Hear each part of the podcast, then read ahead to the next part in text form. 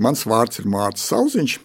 Es esmu Latvijas Universitātes profesors un ikdienā mācu kvantu fiziku Latvijas Universitātes studentiem.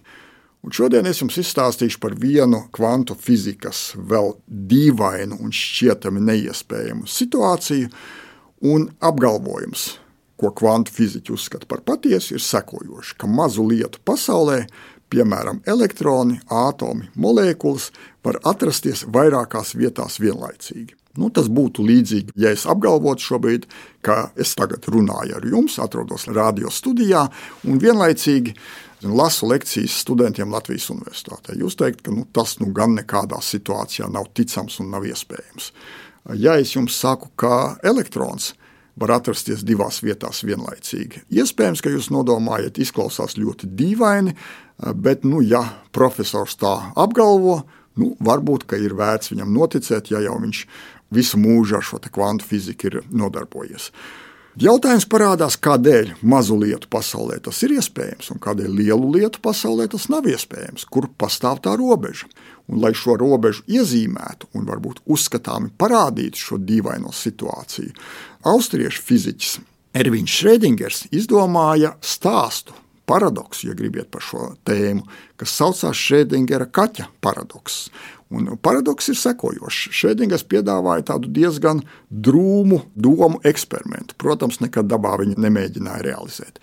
Pieņemsim, ka man ir atoms, un ja atoms var būt divās vietās vienlaicīgi, tad viņš var būt vienlaicīgi absorbējis enerģiju un vienlaicīgi izstarojis enerģiju, kas ir tikpat dīvaini kā atrasties divās vietās vienlaicīgi.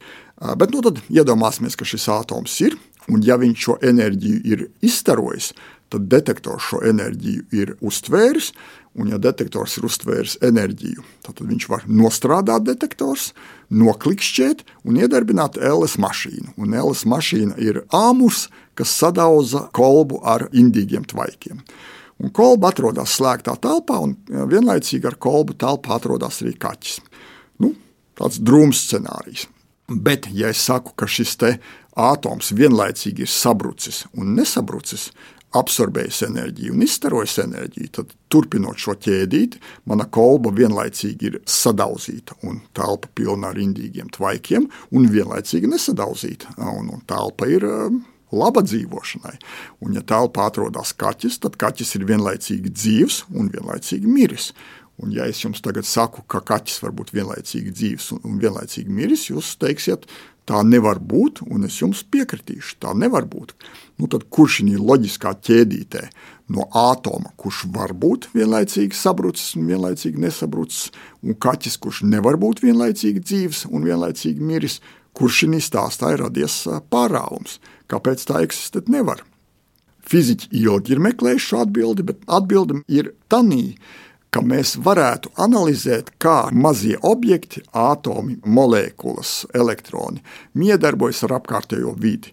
Un šī apkārtējā vide šo iespēju atomam atrasties divos stāvokļos vienlaicīgi vai divās vietās vienlaicīgi ātri vien sagrauj, ja tā var teikt. Un, ja es atomu varu ilgāku laiku turēt izolēti no vides, vakumā, ar ko viņam nesaskaroties, un viņš var būt ilgi šīs divos stāvokļos vienlaicīgi, tad gan kolba, gan kaķis, protams, nepārtraukti miedarbojas ar vidi, un viņu īsti noizolēt no vidas nav iespējams.